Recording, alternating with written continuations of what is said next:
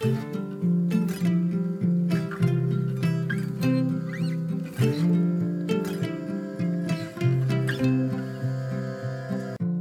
och välkommen till For Health med Anna Sparre. Idag blir det intervju med Sanna Törslef Berglund om tarmflora och mikrober. Vi kommer bland annat in på hur du kan bota sjukdomar med virus, svamp och bakterier. Spännande, eller hur? Ett stort tack till vår sponsor! Alpha Plus har tre nya produkter för en balanserad tarmflora.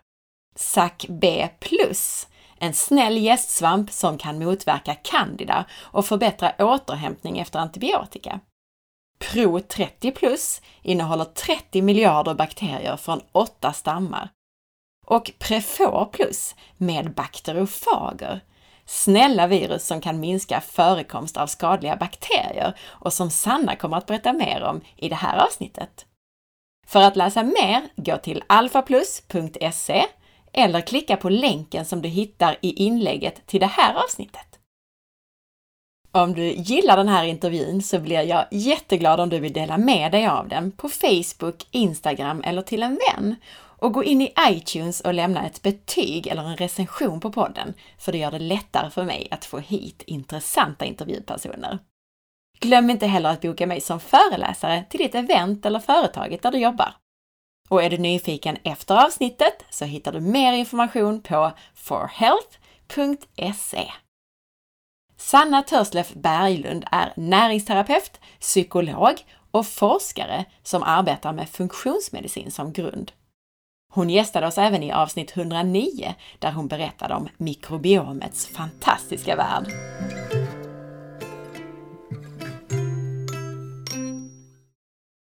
Så roligt att du är tillbaka Sanna! Tack jättemycket för att jag får vara med i din podd. Det är alltid lika roligt och lite pirrigt. ja, du gjorde så bra ifrån dig sist, så det, det, är nog inga problem. Alla lyssnare är jättespända och får höra mer om mikrobiom och tarmflora och annat spännande som du har att berätta om. Mm, vad kul. Och du var ju med oss i avsnitt 109 som släpptes för ganska exakt två år sedan faktiskt. Mm. Och då eh, pratade vi bland annat om hur det kommer sig att tarmfloran påverkar allt från immunförsvaret till hjärnan och generna. Och jag tänkte att vi kort repeterar ett par saker så att alla är med på tåget så att säga. Tycker jag är en jättebra idé. Går det först och främst att kortfattat berätta lite om vikten av en balanserad tarmflora? Eh, kortfattat är lite svårt, men eh, jag ska försöka. Eh, det finns, eh, vad ska jag säga, det finns en grundläggande regel tycker jag som gäller det mesta när vi talar om det här med hälsa. Eh, och det är balans. Eh, allt för mycket utav någonting är inte bra och inte heller någonting som är för lite. Så att det här är ju naturligtvis oftast en ganska glidande skala, alltså, alltså inga absoluta tal. Eh, men, det, men det är ändå viktigt med en jämvikt. Och i vår tarmflora så finns det ju organismer som ska dominera och hålla de övriga organismerna där i schack.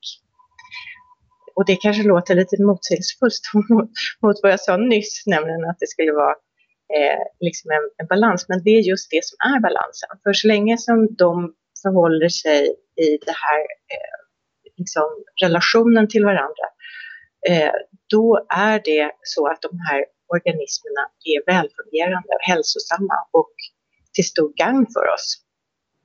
Men eh, om dominansen sen förskjuts av någon anledning till följd till exempel av eh, upprepade antibiotikakurer eller, eller liksom andra läkemedel också. Eh, man kan få en obalans av kraftiga maginfektioner. Miljögifter kan ha eh, en inverkan och sen är det ju jättemånga andra saker också som på något sätt dödar de här goda bakterierna. Och då så öppnas fältet eh, åt organismer som, liksom när de är i rätt antal, är hälsosamma. Och är fältet öppet då kan de alltså växa eh, och bli skadliga. Växa i antal alltså. Så att ett exempel till exempel är ju att antibiotikan dödar just av eh, bakterier. Och det, ut, det lämnar ett utrymme då åt andra eh, organismer, nämligen till exempel gästsvampar, eh, att föröka sig. Eh, eh går inte på svamp. Och eh, en överväxt av gästsvamp, eh, det, det, är ju en sort som vi ofta talar om som candida. Den ställer till stora problem i magen. Eh, men även, alltså det kan bli, yttra sig i psykoemotionella eh, problem, kognitiva, mentala problem också, apropå den här eh, kopplingen till hjärnan. Eh, och så kan det också då vara en orsak till det man kallar för läckande tarm eller ökad tarmpermeabilitet. Och det i sin tur är också grunden då till jättemånga olika kroniska tillstånd. Just det. Jag brukar personligen jämföra tarmfloran lite grann med en rabatt med blommor alltså. Mm. Och det är ju lite så att kör vi antibiotika som du sa, det är ju som att köra värsta ogräsmedlet, typ Roundup eller någonting annat och så slår vi ut allting. Och eh, det här med balansen, alltså vi vill ju gärna ha mycket rosor och tulpaner och andra av de här fina blommorna och det är ju de här, ska vi säga, goda bakterierna kan man säga. Medan då ogräset är ju det som vi håller undan genom att ha, har vi mycket fina blommor, mycket rosor och tulpaner och sådär, så finns det inte så mycket plats för ogräset. Precis. Det vi pratade om i avsnitt 109, det var också det här med mikrob och mikrobiom. Och de här orden just, mikrob och mikrobiom, kan du förklara dem för lyssnarna? Mikrobiomet, eh, det är det som består av cirka 4,5 miljoner gener som eh, då tillhör, jag tror att det är omkring 100 miljarder mikrober. Så att det är det som kallas för mikrobiota.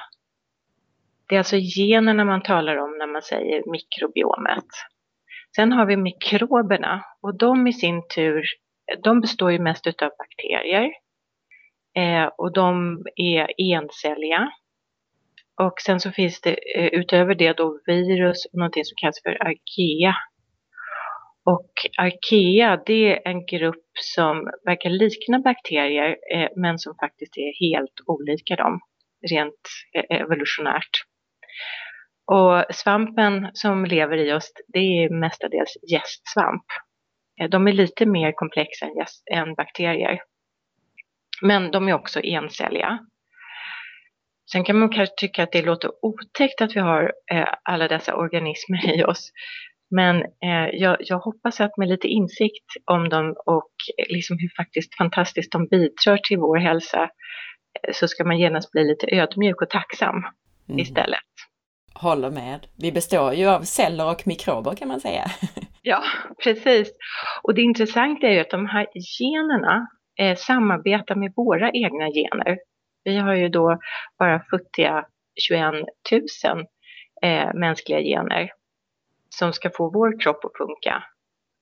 Men eh, de här samarbetar alltså med, eh, påverkar varandra kanske man ska säga, eh, med bakteriernas gener. Och utan dem skulle vi alltså inte ha något liv. För att nu vet vi att vi bara är i början av forskningen så att mycket nytt kan komma eh, liksom fram. Men eh, nya insikter om de här liksom väldigt intrikata betydelserna eh, kommer liksom varje dag. Eh, och det intressanta är ju att bakteriernas gener, de är ju mycket mer, man kallar det för plastiska, det vill säga de är föränderliga. De, de förändras lätt, anpassas snabbt eh, till olika omständigheter som bakterierna måste handskas med, alltså för att de ska överleva. Och det i sin tur har vi stor nytta av, för vi är så mycket trögare i vårt system. Det tar ju liksom jättemånga eh, gen generationer för oss att liksom utveckla eh, genetisk förändring som ska få ett genomslag. Så att de här anpassningsförmågan som bakterierna har är någonting som bidrar till vår anpassningsförmåga. Eh, ja, det är faktiskt väldigt spännande. Och vi, vi har till exempel outsourcat, jag bara tar ett exempel, eh, uppgiften eh, att tillverka vitamin B12 eh, till Klebsiella-bakterien som kan göra det och faktiskt gör det åt oss. Och sen tycker jag också att det är så spännande att eh, alla de här eh, mikroberna, de skiljer sig helt från mänsklig individ till individ. Alltså lika mycket som fingeravtryck är olika. Och det tror man faktiskt att det ska kunna bli en del utav den här biometriska verktygslådan eh, som man kan använda då för att identifiera personer. Går det att konkretisera just det här du sa att, att våra gener, att de påverkar varandra, bakteriernas gener och våra gener? Eller ge ett exempel på hur det här, de påverkar varandra? Ja, jag tänkte jag skulle komma till det lite senare faktiskt, för det är lite när man kommer till det här med immunförsvaret mm. eh, och, och kopplingen mellan tarm och immunförsvar. Okej, okay, så vi summerar då att mikroberna är de här små, små varelserna i vår tarm som till exempel bakterier, virus och gästsvamp. Mm. Och mikrobiomet det är deras gener helt enkelt. Precis. Och så påverkar deras gener, både ja, mikroberna som sådana, de hjälper ju oss som du säger att producera ja. vitaminer och annat. Och så påverkar också deras gener våra gener. Precis, just så. Så att eh, det tycker jag är ganska intressant hur man har ju faktiskt funnit att eh, vissa sådana här eh, snipsar eller delar utav vår genetiska sammansättning eh, kan komma ifrån mikroberna. Det är Men fantastiskt. det som alltså gör oss så anpassningsbara. Mm. Och då kan vi ju komma till det här, alltså i avsnitt 109 så pratade vi ju just om kopplingen mellan tarm och immunförsvar och det gjorde vi också i avsnitt 196 med Liz Lipski. Mm. Så berätta lite om det här kopplingen immunförsvaret och tarmen. Mm. Jag tyckte för övrigt att Liz eh, podd var jätteintressant att lyssna på. Så det, ja. upp, upp, det hoppas, uppmanar jag många att göra. Ja. Eh, men de flesta, eh, ja man kan säga att de flesta känner väl till begreppet att det här med alla sjukdomar börjar i tarmen. Eh, det var ju, vem var det som var, det var ju evigheter sedan i antiken alltså som det här eh, myntades. Eh, men det som är intressant är ju faktiskt att eh, modern forskning har visat att det här verkligen stämmer. Eh, vi har ju olika barriärer eh, som liksom ska skydda oss då från intrång från omgivningen eh, huden, våra slemhinnor, alltså både från mun och ögon och näsa, hals, lungor, mag, tarm, eh, underliv. Alla de här systemen hänger samman. Och i alla de här barriärerna så finns alltså våra immunceller. Och de i sin tur, de kommunicerar med andra delar utav systemet som liksom cirkulerar i blod och lymfa. Och på det här viset så kan eh, liksom kan inte säga kroppen, men hela systemet upptäcker ju när vi får ett intrång eh, av någonting som inte ska komma in i oss. Eh, och då sätter det igång en sån här försvarsangrepp. Och när det gäller tarmen så är det ju liksom, det är ställen då där vi möter egentligen, det, det, det är det största området ska jag säga, där vi möter omgivningen. Det är liksom mycket, mycket större till ytan än huden. Så eh, för att komma in i kroppen så måste den här tarmväggen eh, passeras. Och vi får ju i oss massor med eh, inkräktare med mat och dryck. Eh, och just av den anledningen så sitter cirka 70 procent av vårt immunsystem i och runt i tarmväggen. Och, och så har vi därmed en, en slemhinna också. Den är ju egentligen bara en cell tjock eller, eller tunn.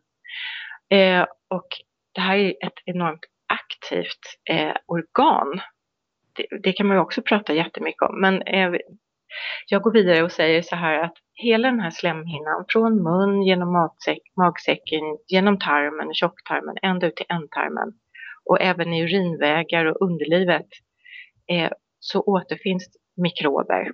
De ser olika ut på olika ställen, men de är ju helt avgörande för den här slemhinnans kvalitet och för kommunikationen med immunsystemet.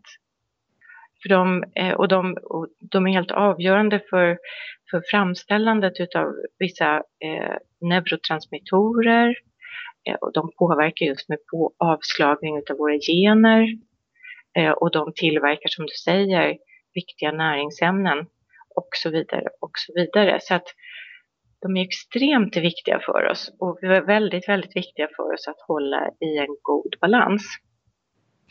Eh, och sen har man, eh, jag ska berätta att mycket av forskningen har man ju egentligen gjort på möss med eh, en alldeles, som man har skapat en alldeles steril tarm på.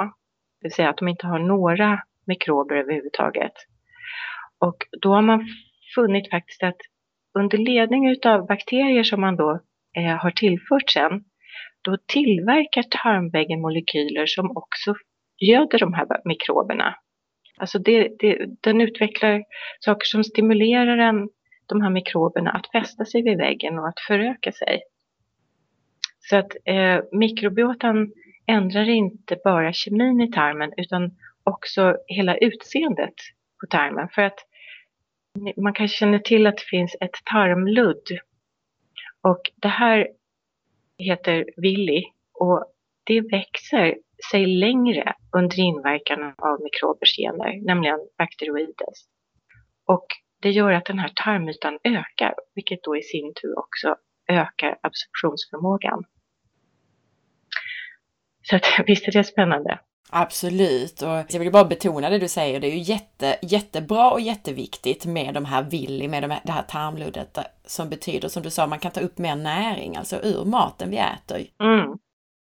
Och å andra sidan vet man ju att personer till exempel med celiaki, att de, de förstör ju sitt tarmludd och har sämre förmåga att ta upp näring. Mm. Men eh, om man ska säga att det även fort, eh, om man fortsätter lite grann med det här med immunsystemet så, så finns det också eh, något som kallas för T-hjärtceller. Eh, och man kan kanske ha hört talas om det här med TH1 och TH2. Som alltså skickar ut eh, kommandon åt olika delar av försvaret eh, när det behöver gå i attack. Och det som sätter igång den här attacken det är någonting som man kallar antigener. Alltså det är små molekyler som fästs på ytan utav, eh, på inkräktare utav vissa celler i immunsystemet. Och vilket gör att de kan identifieras som en fiende. Och de här antigenerna de fungerar liksom som små röda varningsflaggor. Eh, så att eh, andra celler i immunsystemet då automatiskt känner igen dem och kan liksom reagera på dem. Och man har nu sett att det här, eh, de här små flaggorna, de finns också på våra egna bakterier. Eh, och de skickar, skickar ut samma budskap eh, till immunsystemet. Eh, men på något vis så gör de ändå att de undviker attack. För flaggorna är de samma som sitter på så att säga de fienderna.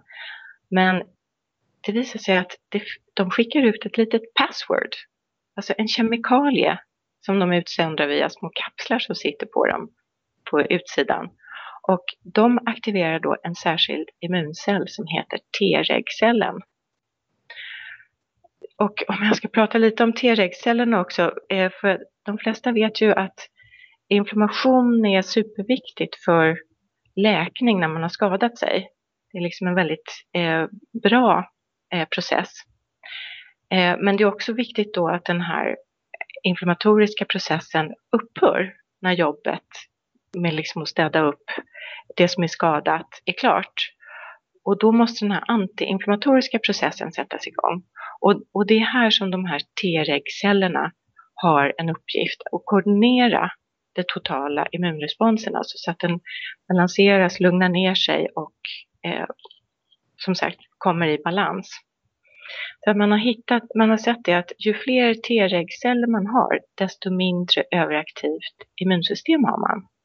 All typ utav man säger att all typ av reaktioner då mot ofarliga ämnen, till exempel som pollen eller damm eh, eh, eller födoämnen, alltså det som vi kallar för allergier, alltså, det är ju egentligen tecken på ett över, en överreaktion. Och brist på T-regs det kan alltså leda till att immunsystemet eh, ger sig på sina egna celler i organ och vävnad, det vill säga att det som vi kallar eh, då autoimmunitet. Så det intressanta är att de här antiinflammatoriska kan man kalla dem T-regcellerna eller balanserande cellerna kanske man ska säga. De styrs av mikro, vår mikrobiota. Det är mikroberna som ger eh, kommandot till de här T-regcellerna och det är de som sen verkställer. Men genom att då manipulera de här T-reglerna då lugnar, då lugnar de ner de andra immuncellerna och på det viset så, så skyddar de alltså sig själva och det bidrar då till deras egna överlevnad. För det är ju liksom det som alltihopa går ut på, att, att liksom överleva och att föröka sig. För att försöka summera lite av det du sa så är det ju vanligt idag att vi har ett eh, överaktivt eller ett obalanserat kan vi ju säga igen då immunförsvar som gör att vi mm. till exempel har inflammation som inte slås av, alltså en låggradig kronisk inflammation eller att vi reagerar på fel saker. Precis. Och det du då berättar är att bakterierna och de goda bakterierna så att säga har en, en roll i det här att, att påverka de här T-regcellerna så att vi får ett mer, mer korrekt respons från vårt immunförsvar. Mm. Går det att konkretisera det på något sätt? Om vi nu vill kunna påverka de här T-regcellerna, vad behöver vi göra då? Eller hur, hur behöver vi påverka vårt mikrobiom? Ja, vi behöver ju vara rädda om det. Och eh, vi vet ju att eh, mikrobiomet eh, påverkas negativt utav eh, ganska mycket som vi eh, utsätter oss för i dagsläget, den moderna människan. Eh, dels så är vi ganska långt ifrån eh, att, att tillåta att det finns bakterier i vår miljö. Vi, vi kör ju väldigt mycket med anti, liksom, antiseptiska eh, ämnen i, i vårt hus, hushållsprodukter och eh, vi är jättenoga med liksom, hygien med antiseptiskt. Eh, så att där tycker jag är en sak, eh, det vill säga att man sanerar, eller man tillåter mer bakterier att finnas. Eh, då också att inte eh, äta massa skräpmat. Man vet att stress påverkar också mikrobiomet. Eh, man vet att eh, liksom, eh, som sagt det myckna användandet av läkemedel påverkar eh, mikrobiomet. Alltså helt enkelt att försöka vidta åtgärder som eh, Alltså man måste ju ha kunskap förstås om vad det är som påverkar, men att man då vidtar åtgärder för att skydda det här systemet eller den här floran. För som du säger, den här obalanserade floran, den irriterar ju immunsystemet. Det, det, då liksom, det utsändes till exempel ett ämne som heter eh, sonulin i det här eh, vid en obalans. Eh, och sonulinet, eh, det är ju något som eh, vidgar området då mellan tarmcellsväggarna. Eller tarm, tarmväggscellerna, så ska jag säga. Det är det som vi kallar för de här tight junctions, det vill säga små slussarna som, som reglerar eh, precis vad det är som ska komma in, lite större molekyler som ska komma in i vårt system. Men sonolinet gör alltså att de här eh, slussarna öppnar sig lite för mycket och då kan det slinka in molekyler. Det kan vara från oh, eh, inte tillräckligt spjälkade proteiner, det kan vara mikrober och det kan även vara något som man kallar för LPS, det vill säga man kan likna det vid bakteriernas hud, för de, de ömsar det lite grann eh, allt eftersom. Och de här LPSen och de andra osmälta eh, molekylerna från födoämnen, de kan alltså sätta igång en eh, reaktion, en inflammation. Eh, och den här det är det som är, är mycket orsaken till just den här låggradiga inflammationen som du sa. Och det, det kan man ju mäta inom vården med den här HSCRP-markören. Så att ja, det finns jättemycket intressant man kan eh, prata om här när det gäller liksom immunsystemet och samspelet med tarmfloran. Men, men, men jag hoppas att, hoppas att det har framgått i alla fall att eh, den tarmfloran alltså i högsta grad är involverad med immunsystemet.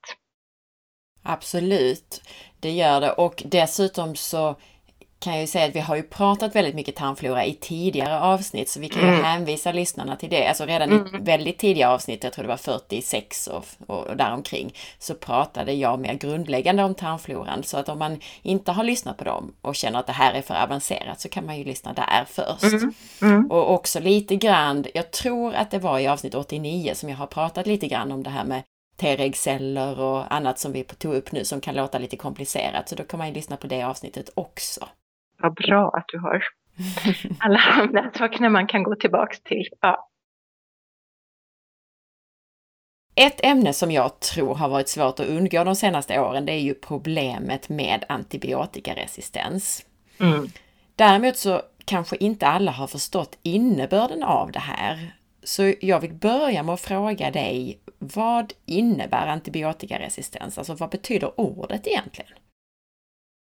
Alltså jag, skrev, jag gick in på WHOs eh, hemsida och där skriver de så här att, eh, jag kommer tillbaka till vad det, vad betyder egentligen, men jag vill bara liksom börja med eh, allvar, allvarligheten eller allvarsamheten med eh, antibiotikaresistens. Och de, de skriver där på hemsidan att antibiotikaresistens är ett av de största hoten mot global hälsa, livsmedelssäkerhet och utveckling. Och de skriver vidare att, att, resistensen kan drabba vem som helst, i vilken ålder som helst, i vilket land som helst. Och att resistens, det uppstår naturligt. Men att missbruket av antibiotikaförskrivningen då till både människor och djur eh, påskyndar den här processen. Och de eh, säger vidare att infektioner såsom lunginflammation, tuberkulo, tuberkulos, eh, gonorré, salmonella, de blir allt svårare att behandla med de, den antibiotika som vi har använt förut.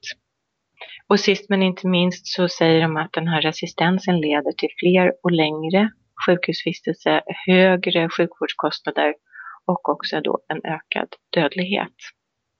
Så att det är ju ett jättestort hot som vi har framför oss och vi måste hantera det. Så här, eh, men man kan ju tro kanske att det är vi som blir resistenta någonstans mot eh, att bli friska. Eh, vid sjukdom, men det är bakterierna och inte människorna eller djuren som utvecklar den här resistensen. Och det är genom att de faktiskt ändrar sin respons på läkemedlet. Eh, och det här just är ju ett exempel på deras anpassningsförmåga som vi har pratat om förut då. Att bakterierna, liksom allt annat, eh, de försöker ju undvika det som skadar dem. Eh, de, vill ju ha, de har ju som ett mål då att överleva och föröka sig. Eh, man kallar just den här eh, förändrade responsen på läkemedel för en acquired resistance, alltså någonting som kan vara ett resultat utav mutationer i kromosomgenerna eller genom att de har eller genom att de har skaffat sig gener då från sin omgivning som redan har en resistens eh, mot den här antibiotikan. Eh, och, och, det var vi pratade om det tror jag, i förra programmet, om det här med horisontell gentransfer.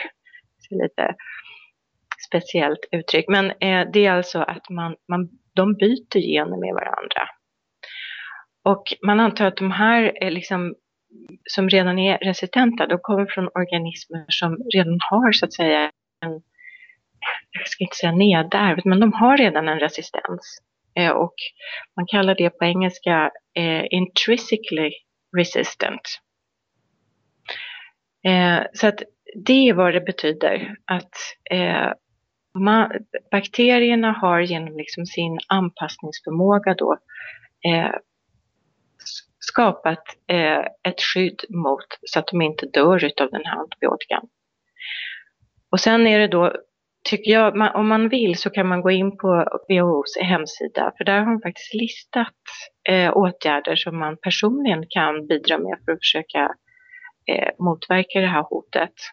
Mm. Och sen så finns det även eh, riktlinjer för politiker och för andra organisationer. Bra saker faktiskt, matnyttigt. Och vad kan det vara till exempel? Jag, jag, gissar att en av sakerna är att inte använda antibiotika i onödan för till exempel då urinvägsinfektion om det inte är allvarligt till exempel. Precis.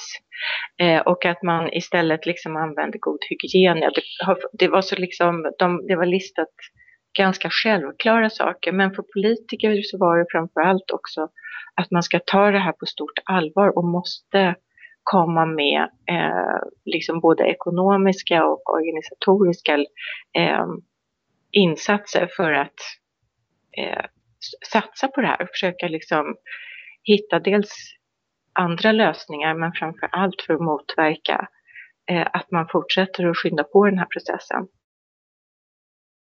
Antibiotika som sådant, det finns ju många olika sorters antibiotika så det är klart att antibiotika och antibiotika är ju inte samma sak men om vi bara rent allmänt pratar om antibiotika, vad har det för effekt på tarmfloran? Ja, antibiotika betyder just antibakterier. Eh, och när man är jättesjuk i en bakterieinfektion, eller alltså inte bara för de som drabbas lite utav mindre allvarligt slag, utan alltså som kraftiga infektioner, eh, också vid operationer Eh, man har också sagt att just vid kem, eh, alltså med kemoterapi eh, och liknande så är det ju en livräddare. Så att antibiotikan är ju jätteviktig, men det gäller att vara rädd om den och använda den eh, vid rätt eh, tid och vid rätt situation. Men eh, så här är det också, tyvärr inte all antibiotika. Vissa antibiotikum är ju specifika men eh, de, det är många som då inte är specifika utan så att de går inte bara på en typ av bakterier utan de slår mot flera i tarmen och, och då även de goda. De som liksom, jag pratade om som håller ordning på och skapar balans på alla de andra mikroberna. Eh, så att det, det, är vad, det är vad den har för effekt, alltså att den lämnar då utrymme för de här andra i vanliga fall gynnsamma eh, virusar, svampar och andra bakterier. Eh, men då det kommer i obalans, det vill säga att de här goda bakterierna har dött av för mycket, så lämnas det utrymme för de andra att växa till sig. Så att eh, det, det, är ju det som är det stora problemet. Det kan till exempel bli eh, en överväxt av just svamp som jag sa förut. Och eh, det leder ju till trötthet, man kan få kognitiva problem, liksom svårt att koncentrera sig, svårt att fokusera. Vissa kan känna sig deprimerade.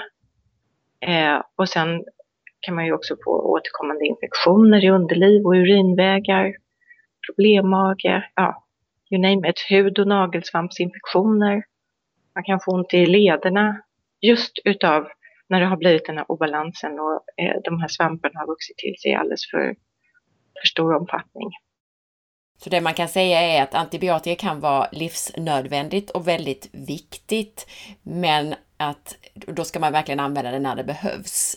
Och ju mer specifik den kan vara, och med det menar vi att den angriper precis de bakterierna som vi vill bli av med, desto bättre är det. Medan den här bredspektrum antibiotikan är mer, kan man säga, nästan som en atombomb som man släpper ner liksom, så att allting, det, det tar koll på allt nästan. Precis. Du sammanfattar det väldigt väl. Och då, då kan man ju också eh, betona det, för det du säger är ju att det är ju lätt att få infektion, att det växer till sig fel saker efter det. Det är ju återigen till rabatten där, om vi utrotar allting i vår rabatt så är det helt plötsligt kanske ett eller två ogräs som tar över fullkomligt och dominerar den här rabatten. Och det man kan göra då, om man nu måste ta antibiotika någon gång, då kan man ju använda sig av olika eh, sorters probiotika och så. Det ska du få berätta mycket mer om sen. Mm. Men mm. ja, det är lite grann som att då sår vi lite rosor så att vi håller undan ogräset lite grann i, i rabatten. Mm. Marktäckare till exempel, de är bra. Ja, ja men precis. precis. det kan vi ha, ja precis. Oregano kanske är bättre än rosor. Ja. Precis.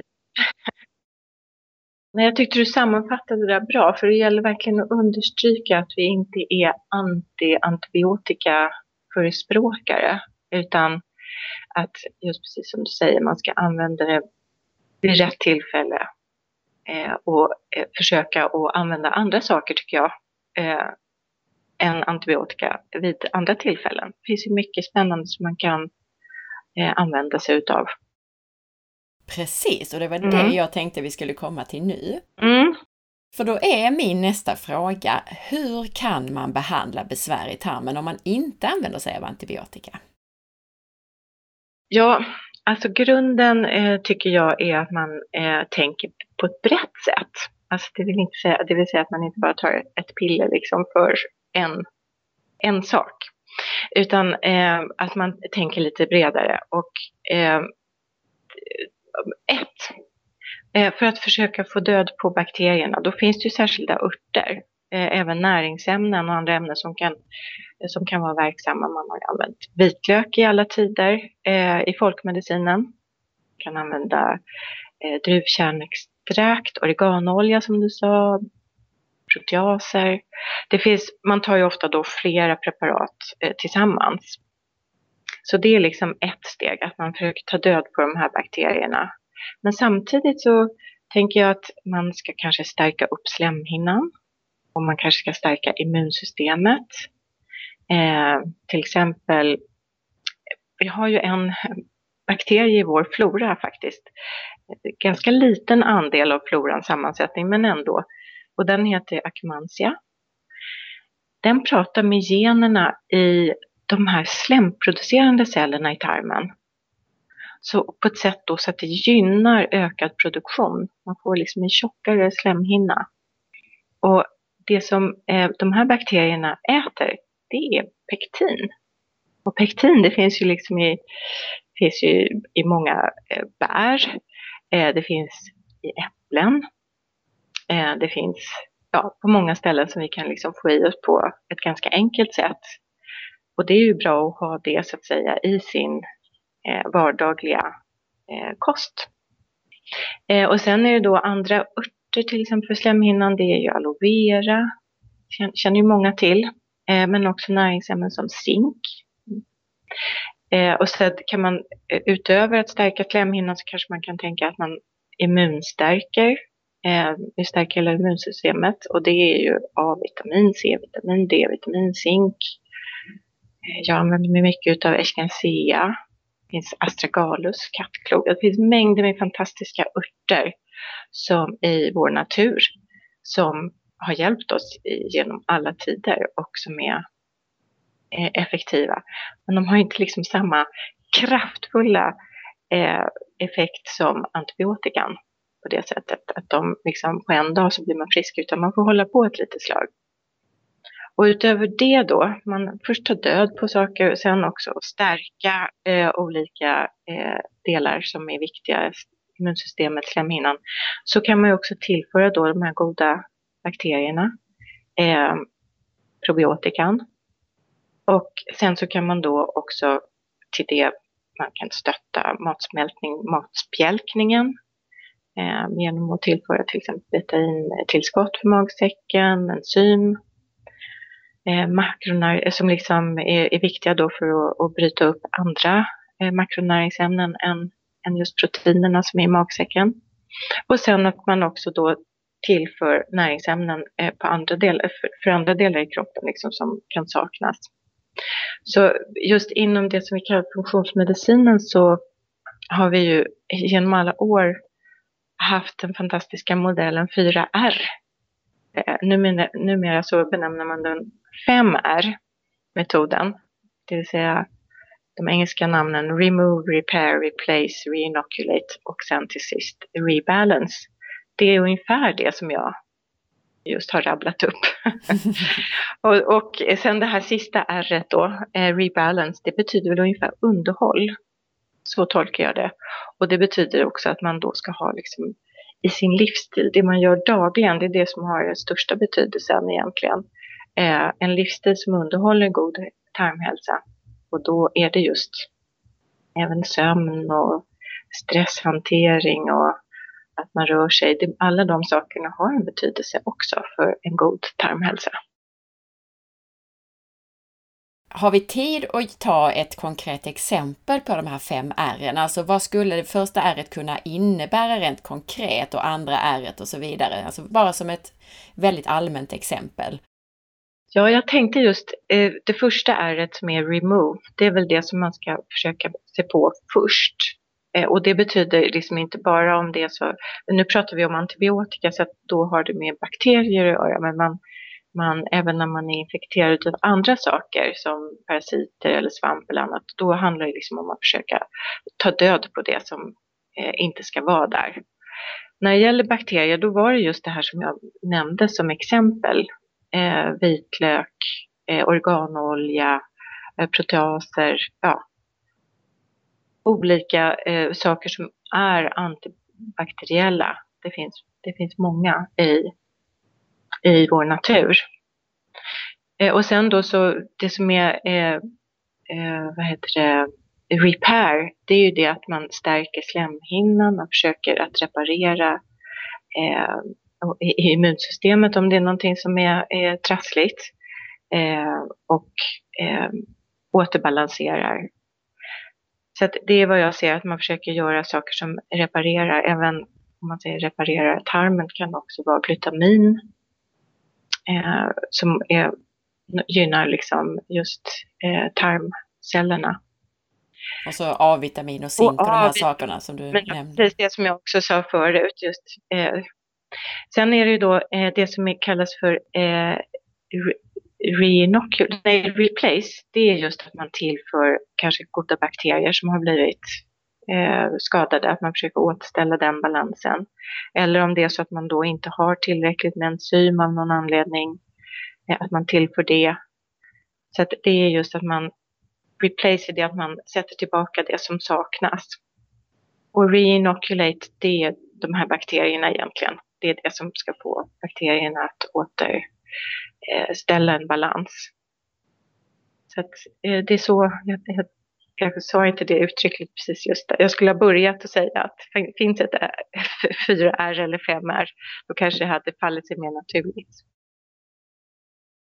Och det är bra att du nämnde det här, när jag sa oregano innan så var det egentligen när jag pratade rabatten, jag pratade mm. om oregano som en marktäckare, men det är ju väldigt sant. Sen sa du ju det, att jag hade nämnt oregano och oregano är ju också antibakteriellt eller antimikrobiellt, så det kan man ju faktiskt använda extrakt av oregano och oreganoolja mm. i behandling mot bakterier bland annat och, och, annat i tarmen som man inte vill ha där.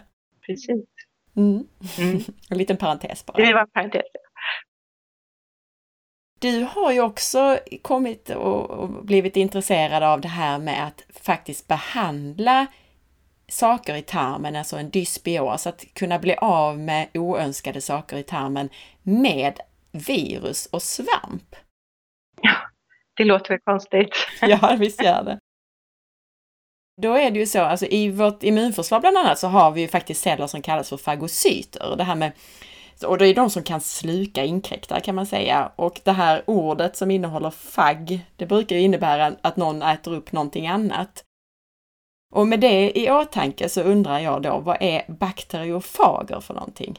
Ja, precis som du sa, bakteriofag betyder alltså att äta upp på grekiska. Och de är virus. Det är virus som enkom infekterar bakterier. De lever på bakterier och de här kan då inte bli resistenta. Eh, när jag började liksom intressera mig för det här, det var väl ungefär ett och ett halvt år sedan, då blev jag faktiskt förvånad över att ingen hade pratat om de här viruserna innan. Alltså jag hade inte hört talas om det. Men eh, framförallt i Georgien, ja det är väl lite olika ställen eh, i forna Sovjetunionen, då har man alltså forskat på de här sedan början, tidigt 1900-tal. Och gjort många forskningsstudierapporter och sådana saker men haft jättesvårt, för att inte säga omöjligt, att få in de här resultaten i våra lite mer erkända västländska medicintidskrifter. Men eh, man har alltså upptäckt och kartlagt eh, bakteriofagerna. Eh, just i Georgien har varit ett huvudkvarter kan man säga och använt dem då istället för antibiotika. Eh, och så har man då, man hade också eh, byggt upp ett, en, en, enorm eh, gedigen, gedigen, enorm bank med bakteriofager. Liksom för de har haft ett jättearbete eh, att ut, eftersom de här bakteriofagerna är väldigt specifika, de ger sig bara på en typ av bakterie. En bakteriofag till en bakterie. Så att de har alltså mödosamt eh, noterat vilka bakteriofager som ger sig på vilka eh, bakterier.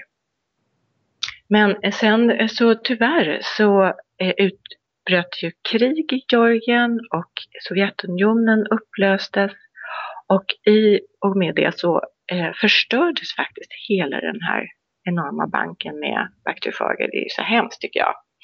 Men nu har man alltså tagit upp den här tråden, jag tror i Kanada eh, och USA och i, liksom, i samarbete då med de här, säger man georgianska forskarna, så ska man börja bygga upp en ny bank.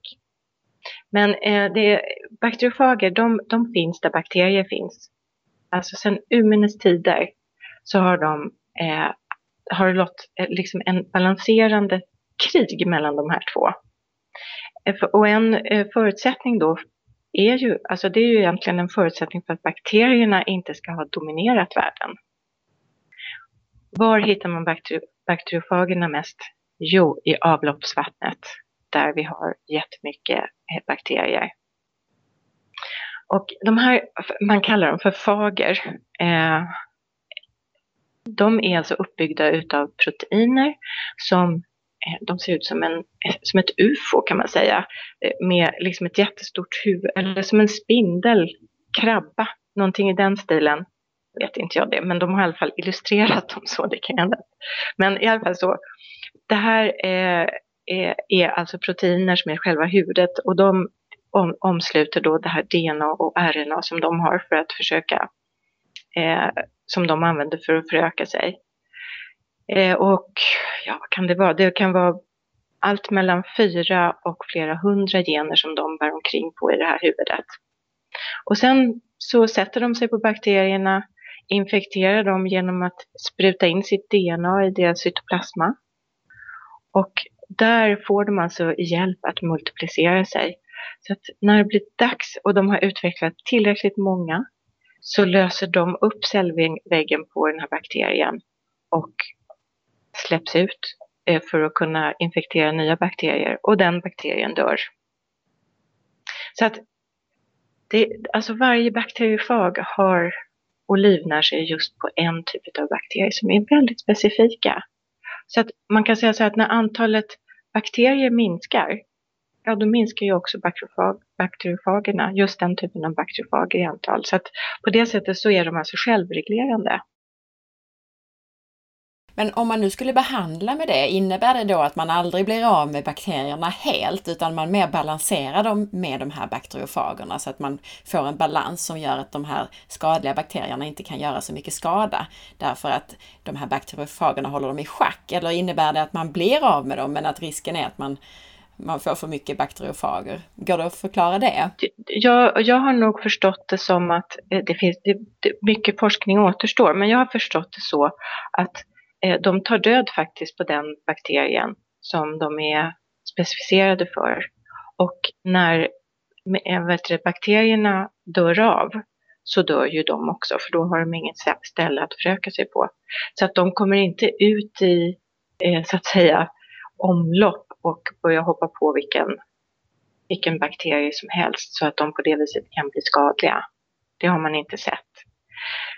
Men man kan ju säga så här att de är också bland de mest vanliga förekommande eh, mikroberna, eller vad ska man säga, det är ju mikrober. Och de är också de mest, eh, vad kallar man diversifierade, alltså det vill säga olika typer som finns i vår eh, biosfär. Och där man hittar dem mest, det är i havet. Man, man har funnit att det finns cirka eh, nio gånger tio upphöjt till åtta eh, bakteriofager per milliliter havsvatten kan du tänka dig. Oj, ja. ja, och man har hittat också då att eh, näst 70 procent av de bakterier som man hittar i havet är alltså infekterade med bakteriofager. Så att man, man förstår ju, det är liksom ganska naturligt att man har använt det här då som en eh, antibiotika i för detta Sovjetunionen och ja, man har använt det i, eh, i Centralasien också, Frankrike, sedan 90 år. Att, eh, och den, man har, forskningen visar ju att de, den, den tåls jättebra av människorna, man har inga biverkningar med det. en annan... Det låter ju alldeles ja, fantastiskt. Men, men saken är den att det är ju ett problem genom att eh, de är så specifika. Så att, eh, och vi har väldigt många olika typer av bakterier, kanske som är patogena, som vi kommer åt. Så att eh, det här, det är där som forskningen eh, nu behövs för att få liksom ett brett register. Det är en annan intressant kuriosa bara, men, men som inte alls är dum, liksom, det är att man har eh, i eh, Georgien använt bakteriofager eh, i sprayform också. Som, är, eh, som en antiseptisk insats på infekterade sår. Och även i sjukhus då, som, när man har florerande skadliga bakterier, då har man liksom gått runt och samplat bakterier från olika ställen i huset, i sjukhuset. Och eh, sen har man även tagit prov utav avloppsvattnet som kommer ifrån sjukhuset. På det viset så har man liksom samlat ihop eh, de bakterier som florerar och sen har man då testat fram vilken bakteriefag som verkar verksam. Och så går de omkring och så sprayar de med de här bakteriefagerna på alla olika ställen och får på det viset bukt med bakterierna. det var intressant. Ja. För en, en människa här i Sverige, skulle det gå att få tag på någonting redan nu? Eh, kanske inte mot alla sorters bakterier, men finns det bakteriofager att få tag på? Ja, ja det finns, eh, det finns eh, faktiskt det att eh, jag jobbar ju för allt plus eh, halvtid. Så att jag kan säga att vi har just fått in en, Eh, eh, ett, ett preparat som riktar sig just mot E. coli-bakterier. Men det finns andra om, eh, användningsområden som man har sett men som inte eh, kanske vi har. Jag, jag, är inte tillräckligt insatt. Men det har varit, de har använts för dysenteri, för salmonella, streptokocker, kallbrand, eh, candida. Men vad får man tag i de andra då? Nu, då fanns det en produkt att få tag på från Alpha Plus. Ja, precis. Och jag tror att det har en bredare eh, användningsområde, för jag tror att det är flera. Men jag ska lämna det lite osagt. Jag vet däremot att, det har med, att vi har med E. coli. Mm. Och det betyder, alltså vissa E. coli vill man ju ha i tarmen, men det Precis. finns ju E. coli som man absolut inte ska ha i tarmen. Precis. Och, den, och, just. och är det då när man får en sån typ en matförgiftning eller så som man ska använda den produkten? Just det. Eller hur? Bland annat. Ja, och vad heter det, man har ju också faktiskt haft goda resultat när det gäller de här multiresistenta bakterierna. Eh, bland annat, eh, det, första gången jag hörde om det här, det var faktiskt när eh, den här, hette han Morse? Morse, Dr. Morse. Eh, han experimenterar med sig själv på mängder med olika sätt. Han, han provar olika dieter och tittar på olika eh, saker som han tycker är spännande. Han är läkare vet jag. Men han hade ett program om bakterier just på Vetenskapens värld eh, år 2018 tror jag på vintern. I, nu i år alltså. Och eh, då eh, tog han upp just fagerna. Eh, och sen, jag kan ju säga också att eh, jag slog ju på bakteriofager och försökte liksom sätta mig in i vad det är som pågår just nu. Och eh, man får 67 300-400 stycken eh, träffar. Mm. Och man hittar faktiskt jättemånga olika inriktningar. Menar du att så många studier om man slår på PubMed ja, eller så? Eller? så många studier. Oj, oj, oj. Så att, eh, det här är liksom, eh, tycker jag, ett, ett väldigt okänt fenomen. Men eh, det är många som har börjat intressera sig för det. Och vad som är viktigt, eller intressant också tycker jag, det är att man försöker att inte bara hitta rätt Eh, bakteriofag för, för rätt bakterie, utan man försöker också förstå eh, vilka ämnen som de använder. Eh, I de flesta fallen då är det för proteiner. Eh, när, för eh, hur fagerna använder, liksom gör sitt jobb. Och tanken är liksom att man ska kunna kontrollera och upptäcka och kunna identifiera vilken typ av bakterier som, som finns men också att använda de här ämnena eh, och även fagerna som läkemedels, transportörer. Eh, man, och, och, även då också faktiskt för att utveckla vaccin med de här ämnena som fagerna använder sig utav. Man, man har på gång ett vaccin mot cancer där man då använder de här bakteriofagerna som transportmedel med det här antitumörämnet. Så det, det är jättemycket spännande saker på gång. Men som sagt, än så länge så är väldigt mycket okänt också. Men när du säger det här, menade du att man bland annat kunde identifiera vilken typ av bakterier man har en infektion av genom att titta på själva bakteriofagerna och deras protein?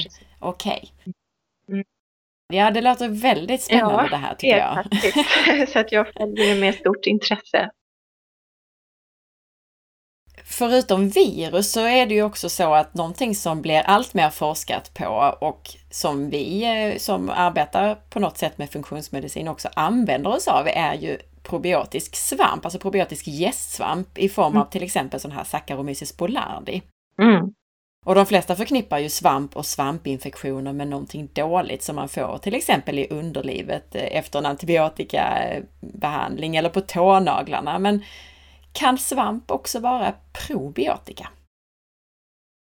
Svar ja. Eh, faktiskt är att eh, tillskott eh, av, nu kallar jag det för espolardi för att det är liksom lättare att prata om, eh, det räknas faktiskt som ett probiotika. Och det fungerar på ett sådant sätt att det är som ett gödningsmedel för hälsosamma bakterier. Så det, Eh, så att de bakterierna alltså förökar sig och kan bilda starka kolonier i, i tarmen. Eh, och de här svamparna, de, de stärker också den här epiteliala integriteten som man, man pratar om. Det, är alltså, det vill säga att man, man får alltså en stark tarmvägg och motverkar på det viset då läckande tarm. Men sen är det ju också det här som jag sa förut att eh, svamp påverkas inte av antibiotika utan eh, man har sett att den här S. bolardi faktiskt kan förhöja effekten utav läkemedlet. Eh, Framför allt genom att motverka biverkningarna. Det vill säga de här, att man utplånar de goda bakterierna. Och när man gör ju det så får man ju faktiskt diarréer och fortsatt dysbios och allt vad det kan leda till. Så att, eh, det här är ju eh, ett jättebra medel faktiskt att kunna ta i samband med eh, antibiotikakurer. Och jag läste en studie som visade liksom hur eh, bakteriekoncentrationen minskar under en två veckors antibiotikabehandling ganska radikalt. Och eh, man gjorde då ett experiment med att man inte tillförde någon eh, Espolardi och mätte hur snabb eh, återhämtning eh, bakteriefloran hade. Och den var då väldigt lång. Faktumet är att det var frågetecken om den någonsin återhämtade sig helt. Eh, men om man använde Espolardi under antibiotikabehandlingen då fick man en mycket kortare återhämtningstid eh, hade man eh, Bolardi efter antibiotika, antibiotikabehandlingen, eh, då fick man eh, en ytterligare snabbare återhämtning. Men använde man den då både under och efter antibiotikabehandlingen, då hade man liksom en väldigt rask, alltså inom en vecka eller två, helt återställande utav eh, bakteriekoncentrationen. Så det är ju ganska intressant. Ja, verkligen. Det är mm. ju alldeles fantastiskt. I det du beskrev, kan man säga att det är så att Saccharomyces boulardii skyddar din normala bakterieflora vid antibiotikaanvändning eftersom du sa att det på något sätt kan gynna även, även andra bakterier i tarmen att ta Saccharomyces boulardii. Mm. Precis just då, att det liksom gynnar, eller att det skyddar, så skulle jag nog säga. För det har ju ingen liksom, antibakteriell effekt alls, utan men det är just det att den, den lämnar, eh, den, den, tar platsen för att goda bakterier ska kunna eh, återbildas och, och fästa vid eh, tarmväggen så att de kan bilda bra kolonier, starka kolonier. Så att man har ju alltså sett att den förkortar sjukdomstid, diarréfrekvens, sjukhusvistelse, framförallt hos barn. Jag läste en forskningsrapport om det Eh, barn som hade sån här gastroenteritis, eller heter det va? Eller? Eh, och att eh, man minskade alltså smärta hos vuxna med samma eh, symptom. Och man såg att eh, behandlingen är effektiv och har inte eh, några liksom, biverkningar.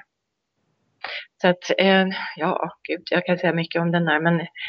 Men just det här du sa också med att ta plats, det är ju också en, en du sa ju innan också det att en antibiotikabehandling kan ju göra att vi får överväxt av gästsvamp bland annat som candida eftersom den inte påverkas lika mycket av antibiotikan som bakterierna gör. Precis. Och det där med att ta plats, det kan man ju också då använda Saccharomyces boulardii för att undvika att, att candida och andra sämre gästsvamparter ska växa till sig vid antibiotikabehandling. Stämmer precis det. Så det är precis rätt slutsats. Nej, men utöver det så boostar den faktiskt immunsystemet för att den eh, ökar den här IL-10 i vävnad. IL-10 är liksom en immundel, eller vad jag ska säga, Eh, och den, den minskar även någonting som heter NF-kappa-B. Just det, inflammations... Inflammationsskaparna. Eh, och sen har den också visat sig just att eh, minska inflammation, som du sa, vid ulcerös kolit. Eh, och eh, genom att den trycker ner produktionen av de här proinflammatoriska cytokinerna. Eh, och sen, ja, man, man kan ju ha eh, den här Espolardi med sig på resan eftersom den då förebygger den här turistmagen. Så att eh, man har faktiskt sett att eh, Espolardi eh, kan, vet, minska koloniseringen av de här eh, Helicobacter pylori bakterierna. Så att, eh, det är också en intressant sak. Det kan vara en biverkning av läkemedelsbehandling just. Precis, och det är ju, den har vi också pratat om, Helicobacter pylori, i samband med att vi pratade magsyra och annat. Den här som, mm. som kan sätta sig i magsäcken faktiskt. Mm, precis.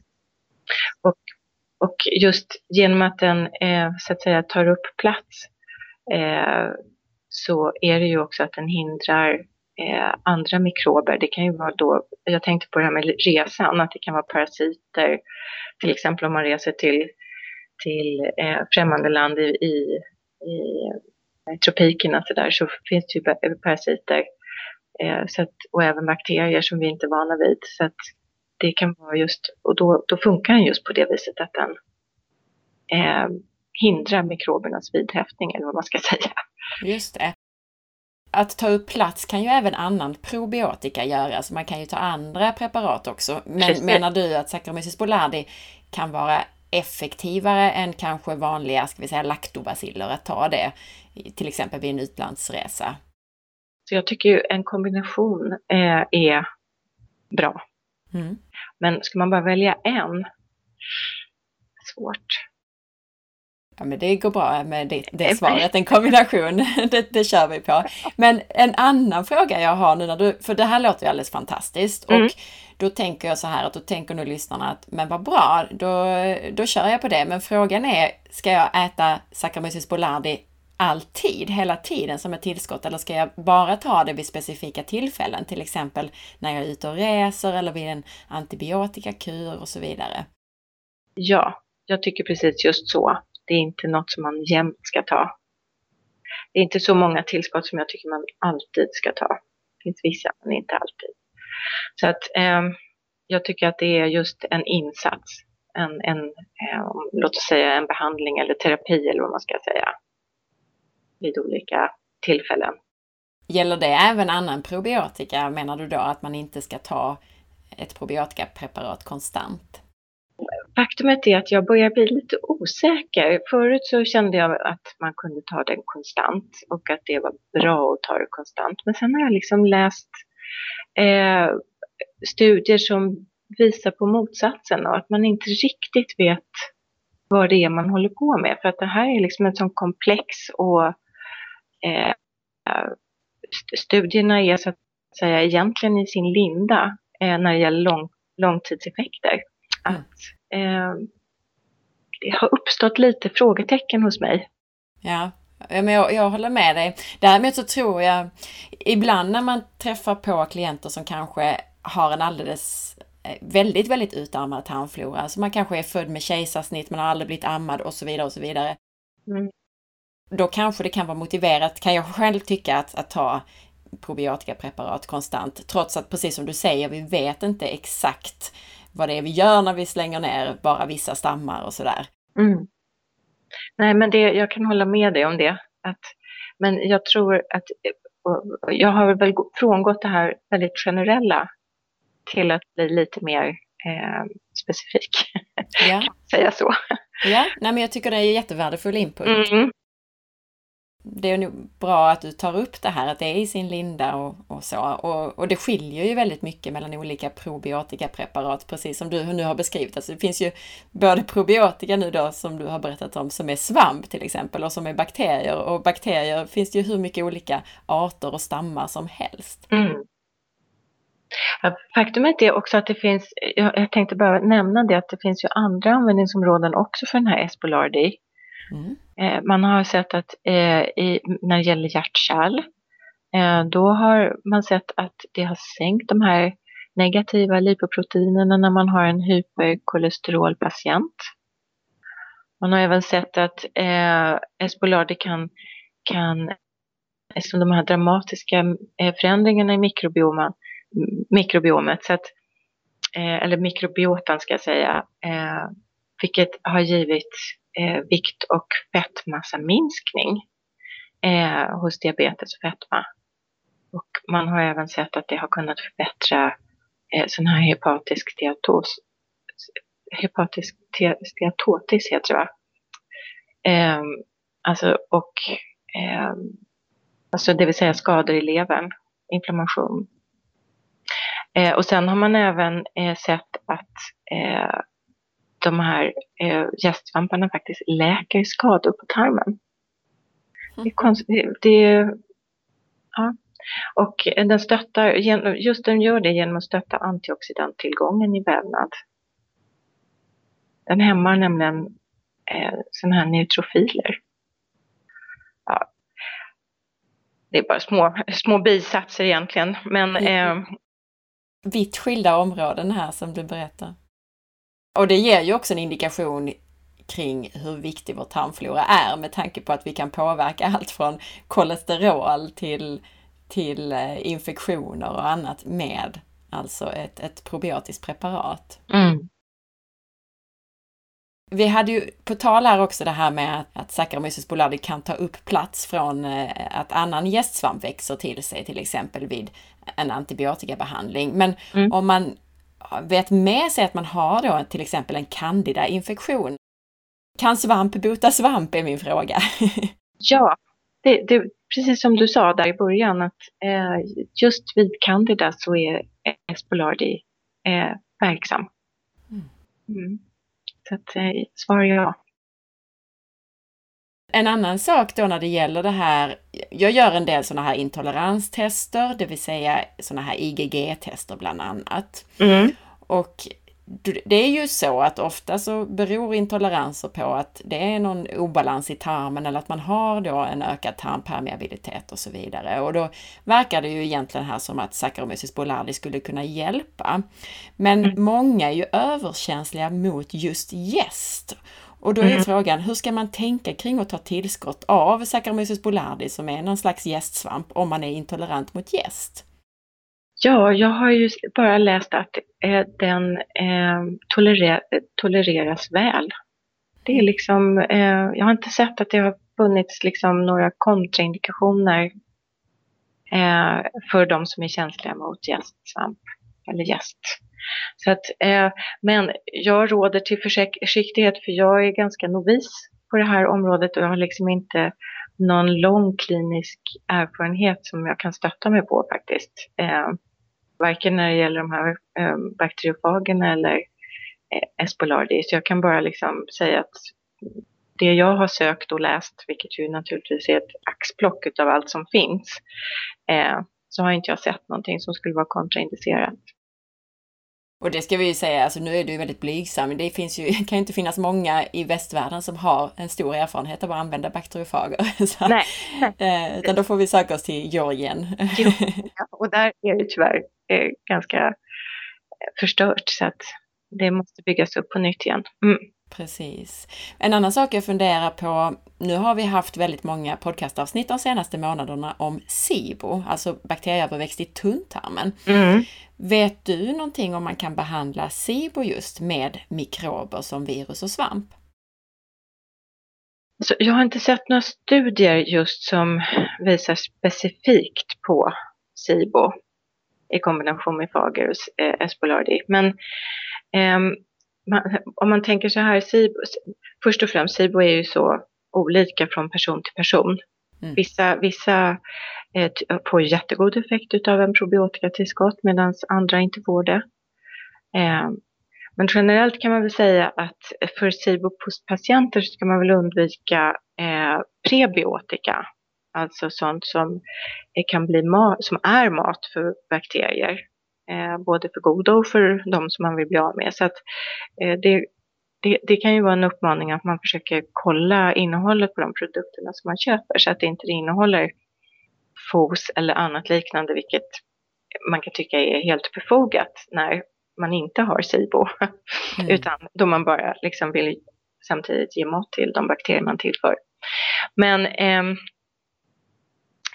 alltså ett rent eh, Espolardi-tillskott, jag tror att det kan vara bra. Här kommer jag åter till att jag bara tror eh, för intervention faktiskt. Men eh, det används ju som en probiotika genom att den då tar upp eh, plats från Eh, bakterier.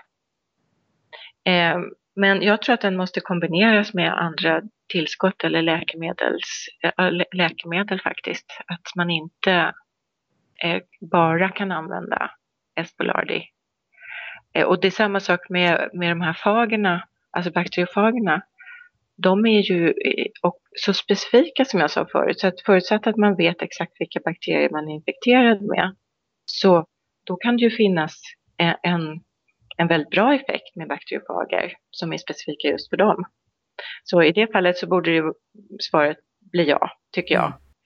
Men eh, om man inte vet det och vill använda en sån här hagelbössemetod, man skjuter väldigt brett eh, genom att tillföra då en hel mängd olika fager, så låter ju det också troligt. Men jag vet inte om det finns något bredspektra bakteriofagtillskott i handeln idag. Så att, eh, där, där, jag kan inte svara riktigt på den frågan. Och, men, men en sak vet jag, eller har jag läst, och det är att man till exempel, det finns ju någonting som heter SIBO-C, alltså det vill säga att eh, det, det, skapas av de här metanproducerande eh, arkeerna istället. Och där hjälper till exempel inte antibiotika och inte heller andra bakteriedödande örter eh, naturligtvis. Men det har alltid, precis som med bakteriofagerna, så har det alltid rått ett krig om utrymme mellan just de här arkean och bakterierna.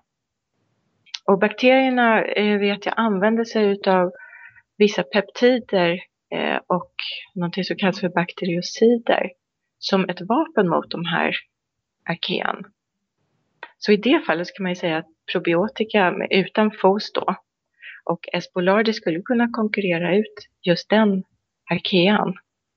Och eh, jag vet ju till exempel när det gäller bakteriofagerna, då är de bra på att kontrollera hydrogen. Är det vete? Vete, vete ja. ja. Mm. Mm, vete. Eh, och eh, de här arkeerna, de, de livnär sig på väte. Eh, och det gör det, och andra patogena bakterier, de producerar ju väte. Men så att genom att tillföra eh, bakteriofager då så kontrollerar de då den här tillgången på väte, vilket då skulle kunna hålla de här eh, arkeerna och de patogena bakterierna i schack. Mm. Det, ja. Men som sagt, eh, jag vill understryka att jag har inte sett några studier precis som har visat det här, utan det är egentligen bara rapporter då från klinisk erfarenhet som jag och det är ju så. Det är ju ett, eh, på ett sätt ett väldigt nytt område. Även om vi alltid haft en tarm och alltid haft mikroberna så har vi inte riktigt upptäckt vikten av det här förrän de senaste åren. Eller många har inte gjort det. Det är ju först de senaste åren som forskningen fullkomligt har exploderat. Mm. Så att det är ju, det är ju precis så. En del av det, vi får ju spekulera lite grann kring vissa områden. Ja, och man provar sig fram. Eh, ofta den här kliniska erfarenheten kommer ju utifrån att man faktiskt provar sig fram också. Mm. Eh, om det är så att man inte har några andra medel som står till buds. Tack så jättemycket Sanna för all den här spännande informationen. Det är jätte, jätteroligt att du vill komma hit och dela med dig av det du har läst och upptäckt på de här spännande områdena som rör vår tarmflora och ja, bakterieflora och mikrobflora generellt i kroppen. Jättespännande verkligen! Tack själv Anna för, jag får, för att jag får vara med. Om det nu är någon som, eh, som vill veta mer om dig eller lite mer om det som du berättade om här, kan man hitta dig på någon hemsida eller hur fungerar det? Alltså jag har en eh, hemsida som heter blivital.se. Men jag ska säga att den är väldigt stillastående och jag har ju eh, så att säga klivit ur min kliniska verksamhet eh, för en period. Vi började en, en pilotstudie på Sofiahemmet för två år sedan eh, och därmed så stängde jag min kliniska verksamhet. Eh, och eh, vi är också i färd med att försöka hitta finansiering för en, en eh, IBS-studie. Eh, också den är, är, under KI. Så att jag kommer inte öppna eh, min verksamhet, kliniska verksamhet eh, för privatpersoner på ett litet slag. Däremot vet jag ju att du ibland håller kurser i ja. Alpha Plus-regim. Mm, det gör jag och jag kan även nås eh, på Alpha Plus naturligtvis. För vi, jag jobbar ju som eh, terapeutsupport på telefon på tisdagar och onsdagar. Och eh, som sagt, jag är kurshållare för Alpha Plus och även terapeutkonsult. Så att, eh, på det viset så kan man nå mig. Och då rekommenderar jag att man klickar sig in där på utbildningar där på Alpha Plus hemsida, för där vet jag att du ibland har sådana här spännande kurser som handlar om sådana här saker som vi pratar om nu, mikroflora och annat. Utbildning och också så finns det eh, terapeutsupport om man har några frågor så kan man skicka direkt dit. Det är inte bara jag som sitter där utan mina fina kollegor också men de är också bevandrade i området. Så att... Vad bra Sanna! Tusen tack! Tack själv Anna! Tack för att du lyssnade! Jag hoppas att du gillade intervjun. Missa inte att i nästa avsnitt så kommer vi bland annat att prata om några nya böcker som jag har på gång och som har varit väldigt efterfrågade. Och om du gillar podcasten så glöm nu inte att dela med dig. Missa inte heller att följa med på facebook.com forhealth.se och på Instagram via signaturen asparre. Veckans recension i iTunes är från Queen Roxy som skriver Fantastiskt lärorikt! Tack Anna för den mest lärorika podden jag lyssnat på. Jag trodde att jag hade någorlunda koll på paleo, hormoner och hälsa, men jag har lärt mig väldigt mycket nytt av dig. Speciellt gillar jag de avsnitt där du intervjuar människor med olika perspektiv på hälsa och välmående. Genom att lyssna på dig har jag blivit mycket bättre på att lyssna på vad min kropp sänder för signaler, på att tolka dem och göra förändringar därefter. Jag blir både inspirerad och peppad att göra ännu fler och nyanserade livsstilsförändringar med förhoppningen att en dag vara helt frisk och ha en hög energinivå. Tack! Tack snälla du, Queen Roxy, för den här fina recensionen. Titta gärna också in på bloggen på forhealth.se och ha en riktigt fin dag så hörs vi snart igen. Hej då!